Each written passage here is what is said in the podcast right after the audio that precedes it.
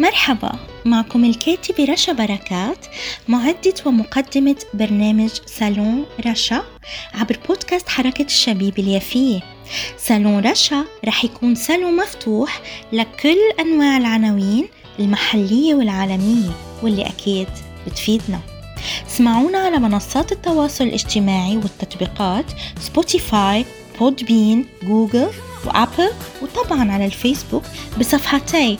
بودكاست حركة الشبيب اليافية وحركة الشبيب اليافية سالون رشا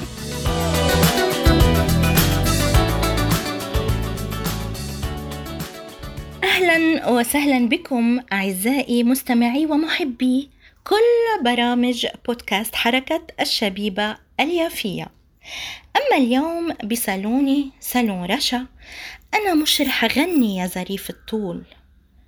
ولا يما مويل الهوى يما مويلية ومش رح ردد كلمات ولحن صوت فلسطين وخال الشهيد ناجي العلي. أبو عرب يا توتة الدار صبرك عالزمان نجار وهدي يا بحر هدي ولا رح رنم مع حبيبتنا ريم بنا. الله أصبح لاجئا يا سيدي. ولا رح أسمع معكم ونقرأ سوا شعر في القدس لشاعرنا تميم البرغوثي. ولا للفذ محمود درويش هذا البحر لي. ضيف اليوم المخرج المبدع البلديات رائد دزدار. وهو الغني عن التعريف طبعا ومخرج فيلم بعنوان يافا أم الغريب. ومن بودكاست حركة الشبيبة اليافية ومن ابنة يافا عروس فلسطين وأم الغريب والمراكب والبرتقال وعاصمة فلسطين الثقافية. بدي أغرق ببحر مخرجنا الفلسطيني. لنحكي عن كل فلسطين الحبيبة ولنعرف الناس بالمسموع عن فلسطين إضافة إلى المرئي الذي يقدمه ضيفي الذي نفتخر به. مخرجنا والناطق باسمنا عبر الشاشة وتقنيات الإخراج الهادف والعميق الغني بالمحتوى والذي يقدم قضية هي من أسمى القضايا. المخرج رائد دزدار. أهلا وسهلا بحضرتك عزيزنا ومبدعنا. رائد دزدار شرفت صالوني صالون رشا الذي هو صالونكم. صالون كله مهم ومبدع وفح وفعال كحضرتكم. ليتك تعرف كل مستمعي بودكاست حركة الشبيبة اليافية عن حضرتك وعن رحلتك مع الإخراج وعن عناوين الأفلام يعني اللي أخرجتها وتحكي لنا عن فيلم يافا أم الغريب وخبايا هذا الفيلم وهل تواجه الدراما الفلسطينية العنصرية كحال شعبنا الفلسطيني؟ إيه، شكرا شكرا جزيلا آه، أختي رشا على هذا التقديم والاستضافة في صالونك الثقافي. وطبعا هذا الصالون يعني منارة ثقافية بنفتخر فيها. وبحب برضو أحييكي كمان مرة وبحيي حركة الشبيبة اليافية على هذا المشروع وعلى هذا البرنامج. آه، بداية آه، بحب أعرف عن نفسي أنه أنا مخرج فلسطيني مقدسي من مواليد القدس. آه، الأفلام اللي بحب أنا أتناولها يعني واللي أركز عليها بهاي المرحلة هي الأفلام اللي بتوثق عن الحياة بفلسطين ما قبل النكبة يعني. آه، طبعا الحياة الأدبية والثقافية ومجمل النواحي الاجتماعية اللي كانت موجودة بفلسطين آه، ما قبل النكبة ما قبل عام 1948 آه، في كتير شغلات يعني إحنا بنجهلها عن هذا التاريخ المجهول للشعب الفلسطيني. للأسف كتير من أرشيفنا وكتير من موروثنا الثقافي فقد أو سرق أو تم طمسه من قبل الاحتلال الصهيوني بفلسطين أو وحتى تم سرقته وتزويره يعني. فأنا بحاول يعني بركز بالأفلام اللي بحاول أعملها بهاي الفترة عن هذه الحياة هاي الثقافية اللي كانت موجودة بفلسطين وإظهارها للجمهور والمتلقي الفلسطيني والعربي.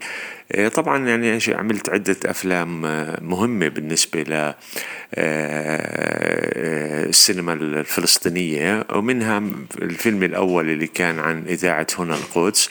اللي هو تاريخ الإذاعة الفلسطينية اللي هي ابتدأت عام أو أنشئت عام 1936 لعام 1948 هاي الإذاعة إذاعة فلسطين اللي كانت ثاني إذاعة في الشرق الأوسط بعد إذاعة هنا القاهرة الإذاعة المصرية اللي تأسست سنة 1934 وإذاعة هنا القدس تأسست عام 1936 آه، طبعا بهذا الفيلم آه، وثقت عن الحياة الأدبية والثقافية والفنية والإعلامية اللي كانت موجودة بفلسطين من خلال إذاعة هنا القدس اللي كانت فعلا آه، بوتقة للعمل الثقافي والأدبي والفني والموسيقي اللي كان موجود بفلسطين. يعني أنا كان هدفي طبعا بهذا الفيلم أوثق وأحكي عن الرواد الفلسطينيين اللي كان كانوا آه، موجودين بهذه الفترة وطبعا خاصة الغير معروفين آه، أو لم ينالوا حظهم بالتوثيق والتقدير. كثير من الرواد الفلسطينيين بهذيك المرحلة آه، لعبوا دور مهم يعني من ناحية الموسيقى والأدب والفن بفلسطين. ولكن يعني هم للأسف مجهولين آه، خاصة آه، الدور اللي, لعبوه آه، فيما بعد خاصة لما صارت النكبة وتهجروا وراحوا على بلدان عربية أخرى مثل روح الخماش مثلا على على الصعيد الموسيقي أو سلفادور عرنيطة أو رياض البندك ويحيى السعودي هذول كموسيقيين يعني كان لهم أثر كبير في الموسيقى العربية. وطبعا بدناش ننسى اليافاوي الأصيل صبر الشريف ودوره في في نهضة الموسيقى في لبنان لما آه، غادروا آه، إذاعة الشرق الأدنى اللي كانت موجودة في يافا. وذهبوا إلى آه، قبرص في إذاعة الشرق الأدنى في قبرص. ومن ثم آه، في بيروت. فكصبر الشريف وكسلفادور عرنيطة وروحي الخماش ويحيى السعودي آه، يوسف باتروني هدول الموسيقيين يعني رواد في الموسيقى الفلسطينية وبرضه في الموسيقى العربية. آه، أثرهم كان كبير يعني على الصعيد الفني والموسيقي. ولكن طبعا المعلومات اللي كانت متوفرة لدينا إحنا كباحثين أو متلقين آه، كانت شحيحة عن هدول الرواد.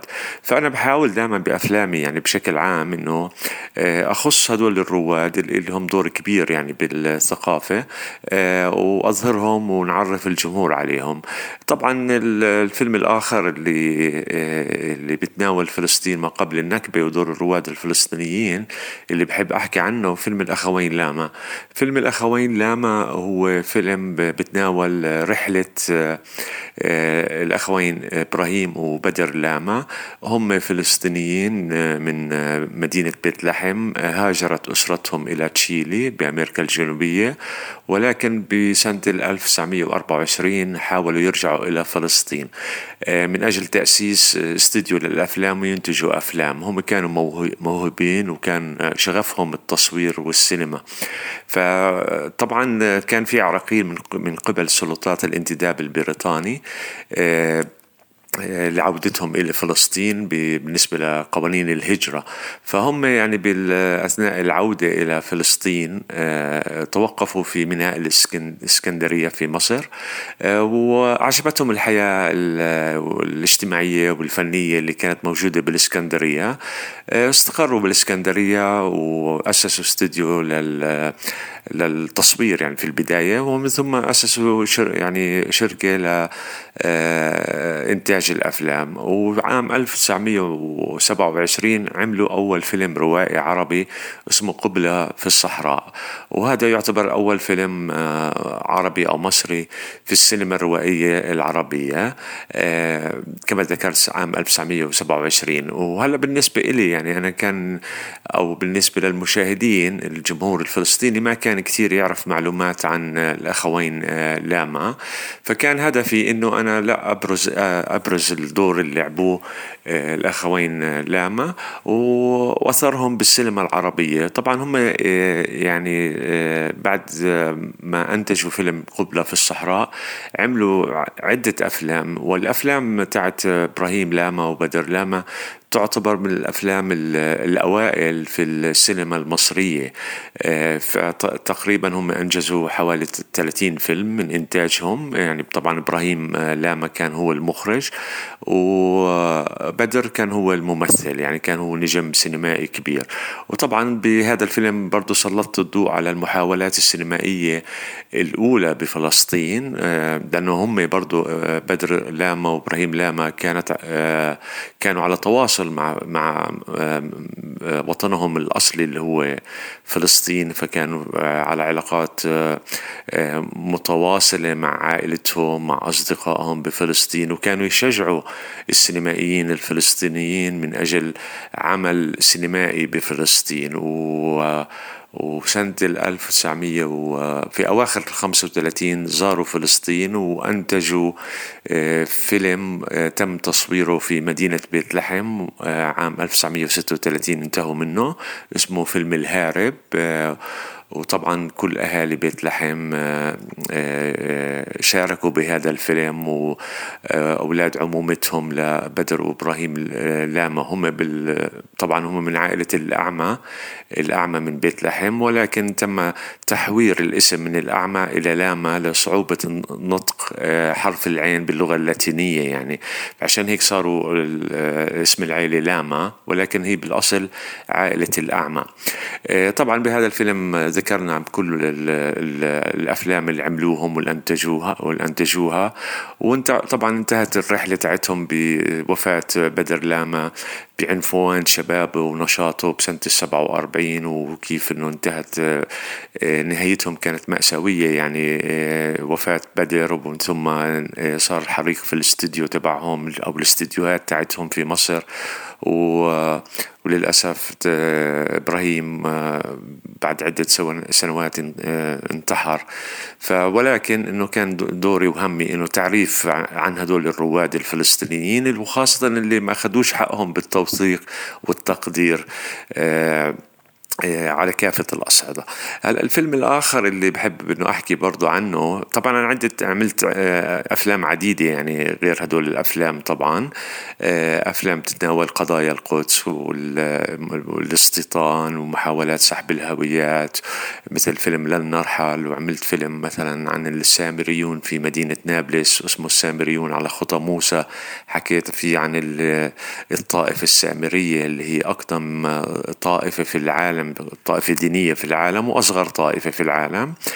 ولكن الفيلم اللي بحب أتناوله واللي أحب اللي أحكي عنه هلأ برضه وهو عملته قبل يعني ظهر إلى النور قبل ثلاث سنوات اللي هو فيلم يافا أم الغريب. طبعا السبب اختياري مدينة يافا لإنتاج فيلم عنها. يافا يعني كانت من أهم مدن فلسطين. طبعا بعد القدس يعني من ناحية دينية القدس هي العاصمة الروحية والدينية لفلسطين. ولكن يافا كانت هي العاصمة الثقافية والإعلامية والأدبية من كل النواحي والاقتصادية طبعا بفلسطين. يافا كان عدد سكانها تقريبا 120 ألف نسمة بهذيك الفترة وهذا يعني عدد يعني كمدينة ساحلية على البحر المتوسط يعني كانت مدينة عصرية بنحكي بفترة الثلاثينات والأربعينات وازدهرت بهديك الفترة وصار فيها نمو اقتصادي وعمراني وكان فيها العديد من المقاهي ودور الع... ودور السينما. يعني تخيلي مثلا كانت بيافا مثلا سبعة أو ثمان دور سينما بهذيك الفترة وكلها تعرض أفلام عربية وأفلام أجنبية. وكان في مت... مئات من المقاهي وال... والعشرات من الفنادق الحديثة والعصرية بهذيك الفترة. وطبعا معظم الصحف اليومية اللي كانت تصدر والمشهورة بفلسطين يعني كانت تصدر مصدر بيافا منها صحيفة فلسطين الشهيرة وصحيفة الدفاع و ومعظم الصحف اليومية والأسبوعية. فيافا يعني كانت يعني تمثل آه، قلب فلسطين النابض يعني من ناحية من كل النواحي. حتى أنه آه، الميناء يافا كان هو بوابة فلسطين إلى العالم وبرضه بوابة العالم إلى فلسطين. فكان الحجيج اللي يجوا على القدس والأماكن المقدسة يجوا عن طريق ميناء يافا. فميناء يافا برضه هو يعد من أقدم موانئ العالم. فيتم في تصدير تصدير القطن والصابون النابلسي والقطن. وفيما بعد يعني ازدهرت زراعة الحمضيات وخاصة البرتقال. فصارت هو الميناء الرئيسي لكل فلسطين يصدر منه البرتقال. طبعا البرتقال في يافا يعني قصة لحالها يعني لأنه كان هو عبارة عن آه، يوفر دخل كبير لمدينة يافا ولفلسطين كمان. آه، طبعا كان يجي مثلا على يافا عمال من المناطق المجاورة من المدن الفلسطينية المختلفة وكان يجي مثلا من لبنان من سوريا من مصر عمال يسكنوا في يافا في موسم في موسم قطاف البرتقال ويشتغلوا ويسكنوا بيافا. آه، وطبعا لما يخلص الموسم يرجعوا على بلدانهم الأصلية والسنة القادمة يعاودوا يجوا يشتغلوا في البرتقال في مدينة يافا. يعني في كانت يعني يافا في البيارات يافا. يجي عشرات الآلاف من العمال من مناطق سوريا ولبنان ومصر ومناطق فلسطين المختلفة. فكانت يعني مدينة يعني حيوية يعني من كل النواحي بنحكي من ناحية آه، الثقافية معظم أدباء في الدول العربية إجوا على مدينة يافا طه حسين خليل مطران محمد مهدي الجواهري من الشاعر العراقي الكبير جاء إلى يافا سنة 1945 وألقى قصيدته المشهورة يافا يوم حط بها الركاب وتمطر عارض ودجى سحاب وطبعا الممثلين والممثلات نجوم السينما المصرية أم كلثوم عبد الوهاب فريد الأطرش أسمهان. يعني بتصور لي ما في نجم آه، آه، عربي أو آه، فنان عربي في مجال الفن أو الموسيقى أو السينما إلا وجاء إلى يافا وعدا عن ذلك كانت الفرق المصرية فرق المسرح الفن تأتي إلى يافا يعني حتى بأواخر القرن التاسع عشر يعني كان يجوا عبر سكك الحديد أو بالطريق البري بال بال بالسيارات. يجوا يحيوا الحفلات على مسارح يافا طبعا بالبداية في المقاهي المعروفة البرزيانة مقهى أبو شكوش آه، يعني بنحكي ببدايات القرن التاسع يعني ببدايات القرن الت... يعني التاسع عشر ومنتصف القرن التاسع عشر والقرن العشرين آه آه، ويحيي حفل يحيوا حفلاتهم في المقاهي بمسارح المدارس حتى بعدين لما صار في دور عرض آه، آه، السينما صاروا يحيوا حفلاتهم في في في على مسارح دور السينما في يافا مثل مسرح سينما الحمراء وسينما نبيل وسينما رشيد. المهم إنه يافا بهذيك الفترة كانت فعلا من أهم المدن ال على ساحل البحر المتوسط. آه، ولكن إحنا بهذا الفيلم فيلم يافا أم الغريب أنا حاولت إنه أحكي عن كل مناحي الحياة بمدينة يافا.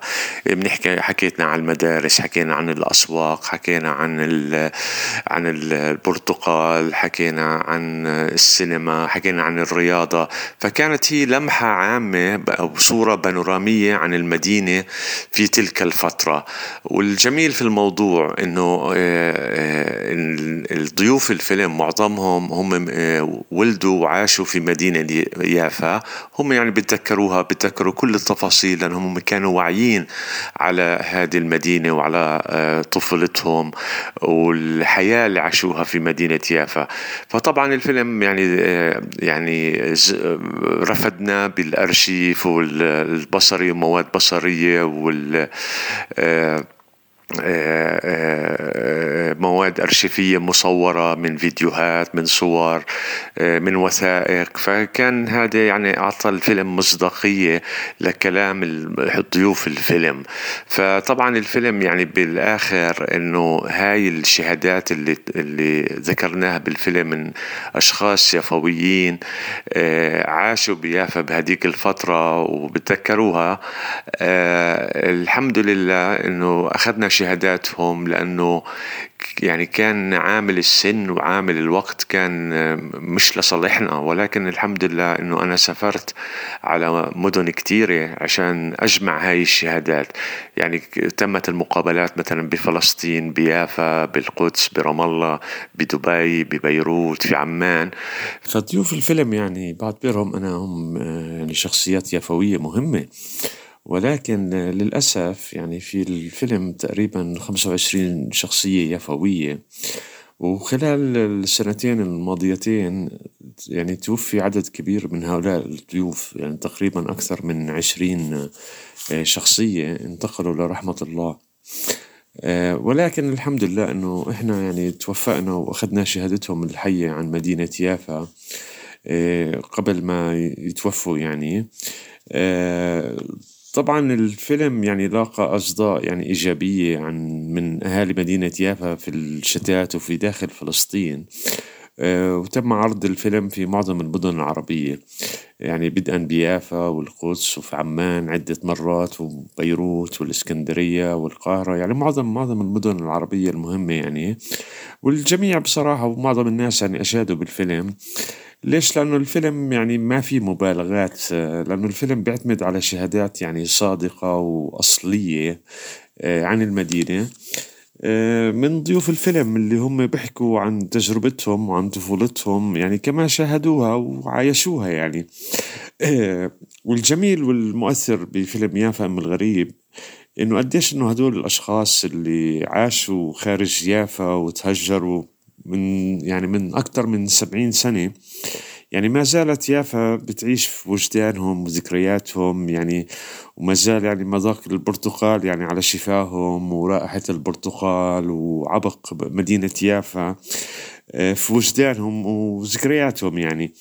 آه، فهذا الشعور يعني بديمومة الأمل بالرجوع إلى مدينة يافا يعني ما زال موجود بهدول الأشخاص يعني.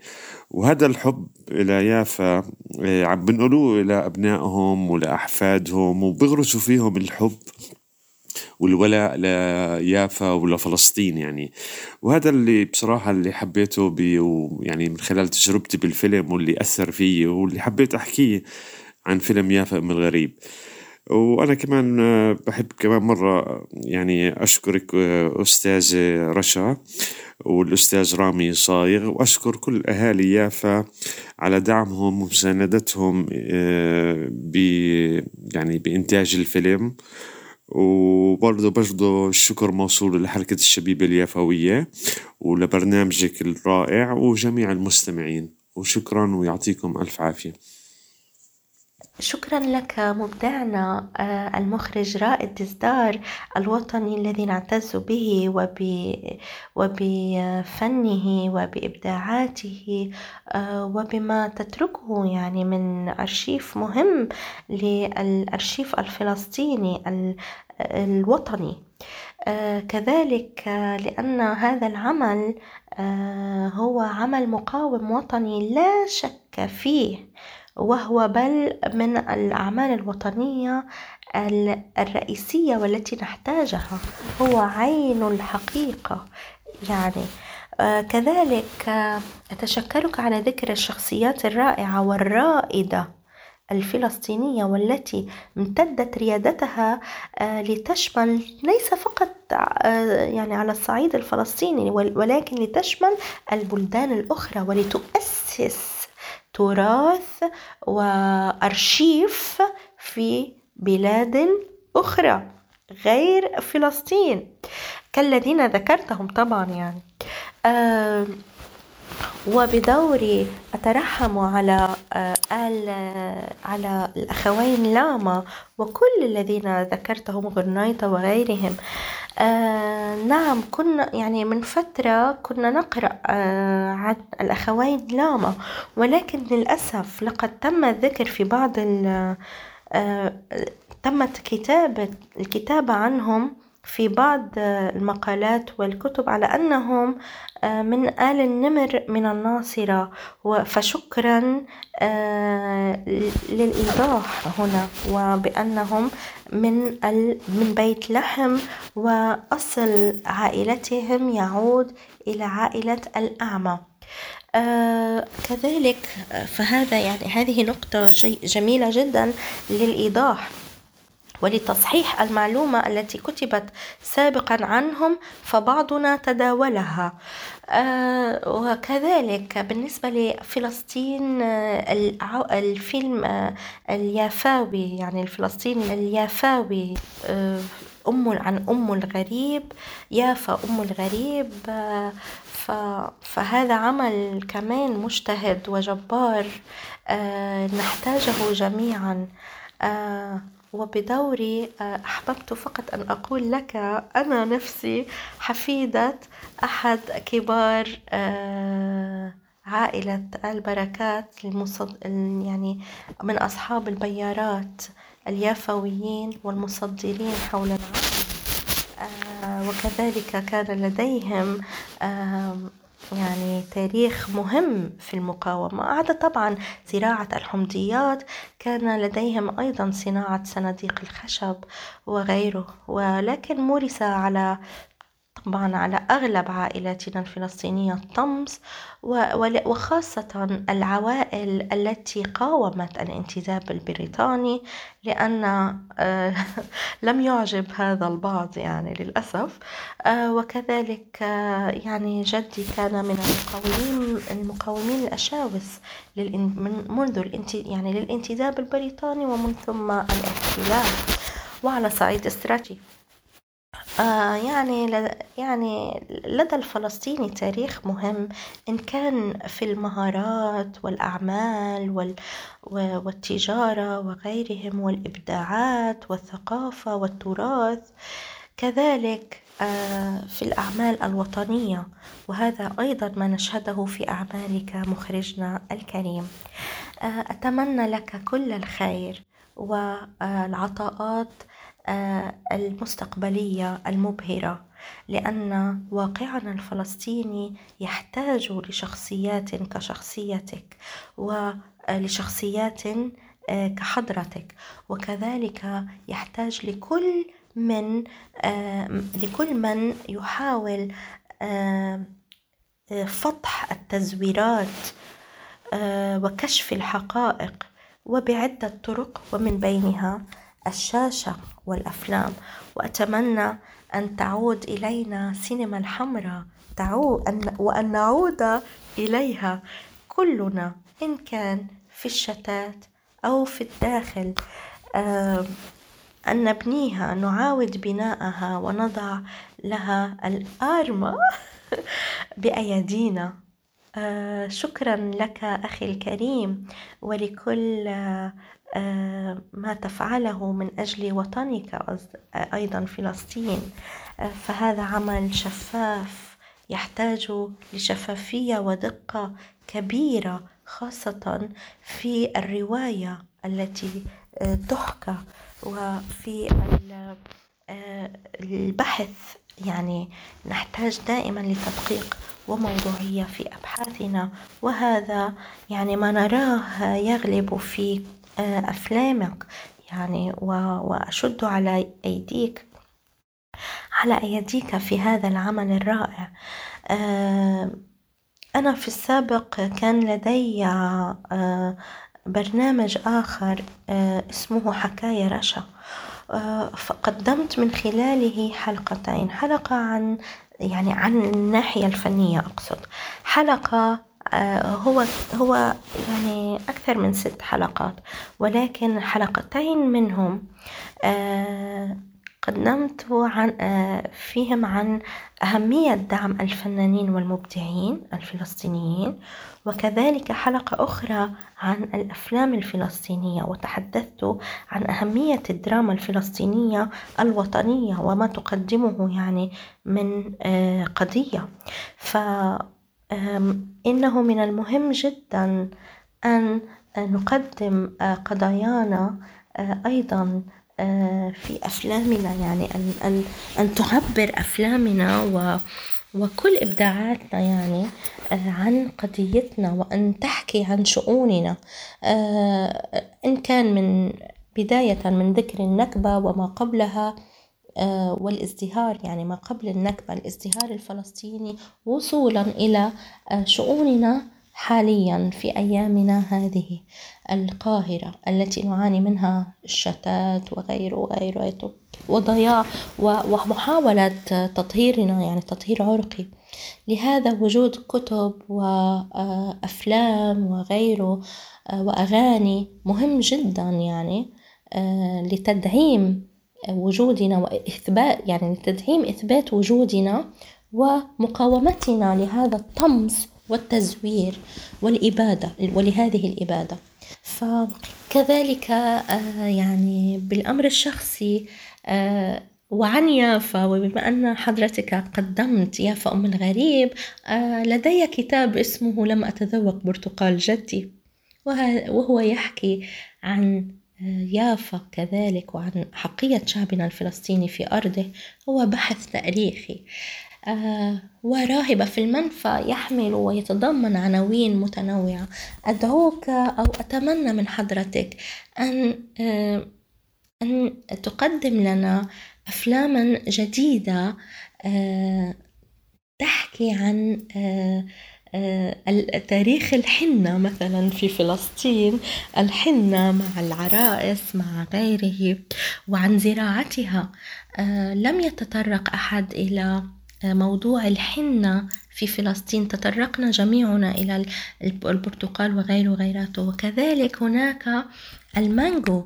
ف وكان الحمد لله جدي من أول الذين ذهبوا إلى إلى مصر لدراسة مشروع آه، زراعة المانجو في فلسطين وفي يافانا فكان من الرائدين في هذا. وكان هناك رجال أيضا آه، تشارك في هذا المشروع.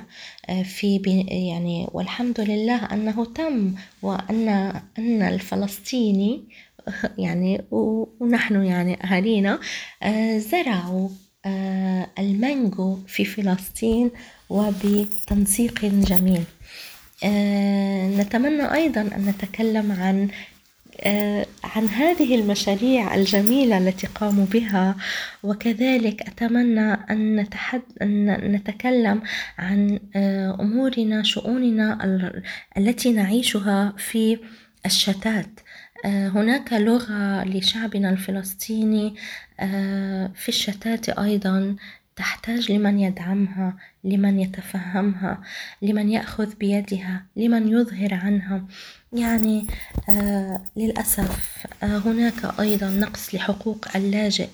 مثلا في لبنان الفلسطيني في لبنان يسموه باللاجئ وهو ضمن أرضه ووطنه ولا يعطوه أدنى حق من حقوقه الإنسانية. يعني هناك قهر أيضا لدى شعبنا وشؤون كبيرة وكثيرة ومتنوعة يمكن أيضا أن نتناولها. آه، ما تناولته حتى الآن في أفلامك مهم مهم جدا وأدعو الجميع إلى آه، متابعة آه، مخرجنا المبدع رائد دزدار الفلسطيني النشمي الوطني والواعي المثقف ونحن نحتاج لهذه الشخصيات آه، دوما في بلادنا ولقضيتنا. يعني أنتم آه، أخي الكريم مخرجنا العزيز أنتم آه، إرث مهم للمستقبل وقيمة مضافة لنا وللأرشيف وللحاضر. المقاوم. آه، آه، شكرا آه، لقبولك. استضافتي في صالوني صالون حركة أش... صالون رشا في حركة الشبيبة اليافية. وشكرا لجميع المستمعين. ومحبي كل برامجنا كل برامج بودكاست حركة الشبيبة اليافية الذي تلك الحركة التي تسعى لتقدم الأفضل والأنسب والوعي والتنمية وال وال والتفوق مساهمة في زرع مبدأ التفوق روحية التفوق والتميز والوعي والوحدة لشعبنا الفلسطيني. نحن نقدم الثقافة واعية إن شاء الله. يمكنكم أعزائي أن تسمعونا وتتابعوا كافة برامجنا عبر كل منصات, منصات التواصل الاجتماعي والتطبيقات مثل سبوتيفاي جوجل أبل وبودبين وكذلك عبر الفيسبوك عبر صفحتي. بودكاست حركة الشبيبة اليافية وحركة الشبيبة اليافية. سلام رشا